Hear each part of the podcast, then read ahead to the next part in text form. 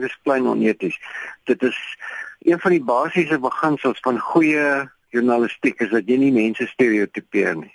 En jy kan nie 'n stereotipe van mense skep deur uh, byname en allerlei goeders te gaan gee mense daar buite kan dit gaan staan doen, maar die Koran self moet dit nie doen nie. Hoe erg die feite ook al is.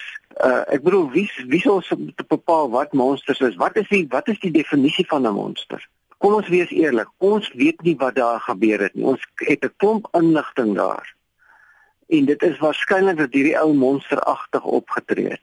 Die eerste beginsel van die media wanneer ons in die nuuswêreld werk is om nie so akkuraat en volledig as moontlik te rapporteer. En so akkuraat as moontlik beteken jy moet jou feite reg hê. Jy moet doodseker wees dat jy die volledige storie gee sodat mense 'n volledige prentjie kry.